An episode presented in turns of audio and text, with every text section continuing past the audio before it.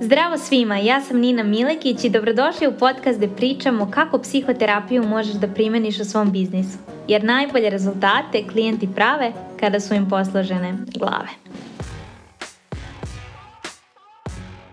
Zdravo svima i dobrodošli u prvu epizodu mog novog podcasta. Mnogo sam uzbuđena i jako se radujem da sa vama ovdje dijelim znanje iz psihoterapije koje vam mogu pomoći u vašim sopstvenim biznisima.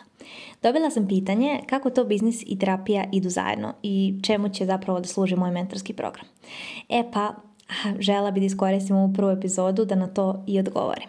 Po meni biznis i terapija idu zajedno veoma lako, zabavno i pre svega efikasno. Mislim da sam privilegovana što se bavim e, ovom profesijom zbog toga što ljudi dolaze i poklanjaju mi svoju glavu. Omogućavaju mi da zajedno sa njima prođem kroz njihov um i da vidim šta se sve tamo nalazi. Snove, želje, strahove koje imaju, pa čak i neka čudovišta koja su tamo sakrila, oni izlaze na terapiju. Smatram da isto tako u biznisu, bilo da prodajete program, mastermind, šta god, edukaciju neku ili coaching, kada klijent dođe kod vas, on vama na tih par meseci poklanja glavu. A kada klijent dobro posluži svoju glavu, doći rezultati. Samim tim će željeti još više da radi sa vama. To je svrha ovoga podcasta.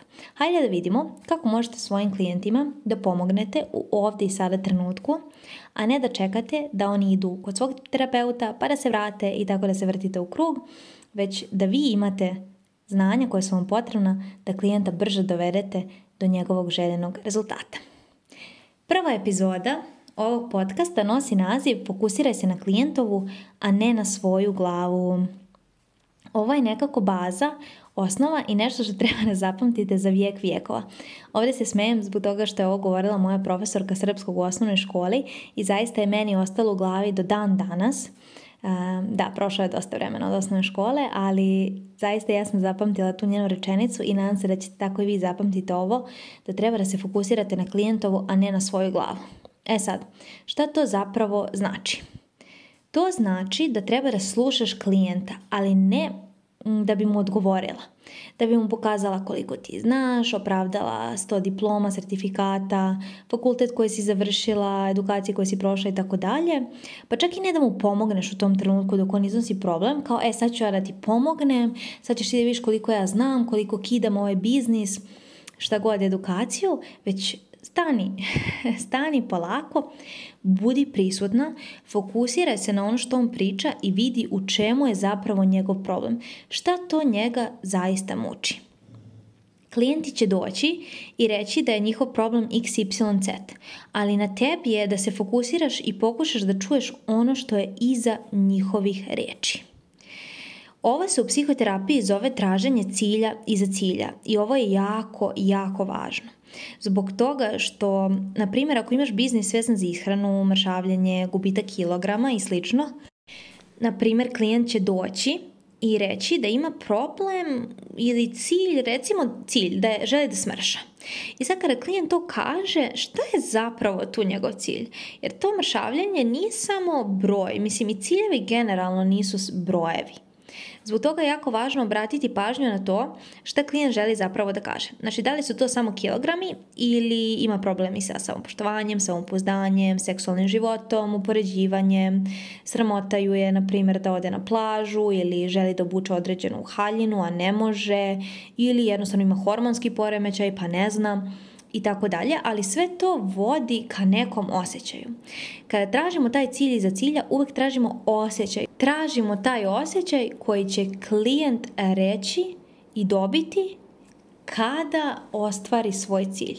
Znači ciljevi su osjećaj, ciljevi nisu brojevi, ciljevi nisu osnovat ću biznis, smršat ću 10 kg, završit ću fakultet. Ne, cilj je jednako osjećaj i ovo treba isto zapamtiti za vijek vijekova zbog toga što mi zapravo jurimo nešto. Znači kada sam žela da završim fakultet e, nisam jurila to da imam papir u ruci koji kaže e završila si, bravo Nina, nego sam tražila osjećaj slobode da mogu da se bavim onim što ja želim tražila sam osjećaj uspjeha, ponosa i slično. Tako da uvek pitajte klijenta sljedeću rečenicu. Ok, razumem, problem imaš taj i taj, sad zamisli da si ostvarila taj cilj i da si smršala, kako bi se osjećala tada? Šta bi ti to dalje donalo? Znači, to je rečenica koju treba da koristite da biste vidjeli šta zapravo klijent želi. A to će vam pomoći da ga usmerite i da mu pokažete najbolji put da dođe do svog rezultata.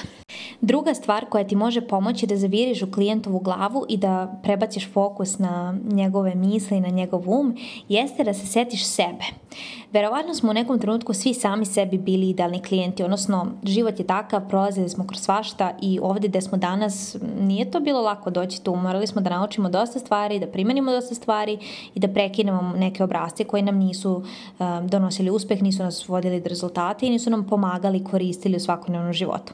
Tako da ako želiš da vežbaš e, fokus e, na klijentovoj glavi, zamisli sebe i seti se šta je tebi ta trebalo, šta si govorila da ti treba, a šta ti je zapravo trebalo. I pomozi svoje klijentkinji ili svom klijentu da skrati put, da ne razbija glavu kao što si ti razbijala.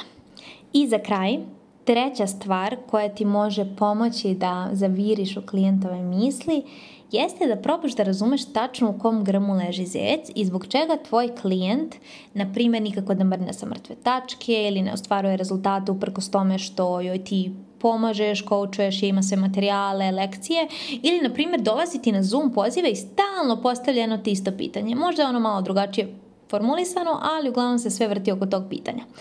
Ako ti se desi ova vrteška i vrtanje u krug, korisno pitanje koje možeš da postaviš svom klijentu jeste da si ti sada na mom mestu, koje bi pitanje sebi postavila? Ili da si ti sada na mom mestu, šta bi ti najviše značilo u ovom trenutku da dobiješ? Odgovor na šta? Samim tim ne vezuješ pupčanom vrpcom za sebe svog klijenta, već mu omogućavaš da nauči da koristi sobstvenu glavu. Jer je rješenje u njemu, samo on ili ne vidi to ili odbija da vidi, jer rade mehanizmi odbrane. Ovo je isto jako važno e, i ovo ne postoje pare koje mogu da opiše koliko vredi to zapravo kada naučiš da razmišljaš sobstvenom glavom i da razvijaš taj misleći um. E, pričat ćemo o mislećem umu u nekoj od e, narednih epizoda, tako da stay tuned. Kao i za sve veštine i za fokusiranje je potrebno vreme. Tako da što više budeš vežbala svoj fokus i ulazila u glave svojih klijenata, to će ti postajati lakše i zabavnije da sa njima razgovaraš, da vodiš uvodne konsultacije, ako si na samom početku ili ako već imaš program, e, na ovaj način ćeš pomoći klijentu da brže dođe do željenog rezultata, a on će onda biti spreman da nastavi da radi i da raste upravo sa tobom. Nadam se da ti je ova kratka uvodna epizoda koristila. Isprobaj ova pitanja. E, podcast epizode vezane za biznis terapiju će izlaziti svakog utorka. Stoga pre sljedeće, idi i zaroni u glave svojih klijenata, vidi šta se sve tamo dešava i kao što rekoh, probaj da im postaviš ova pitanja da vidiš šta će ti oni na to reći. Čujemo se u narednoj epizodi. Pozdrav!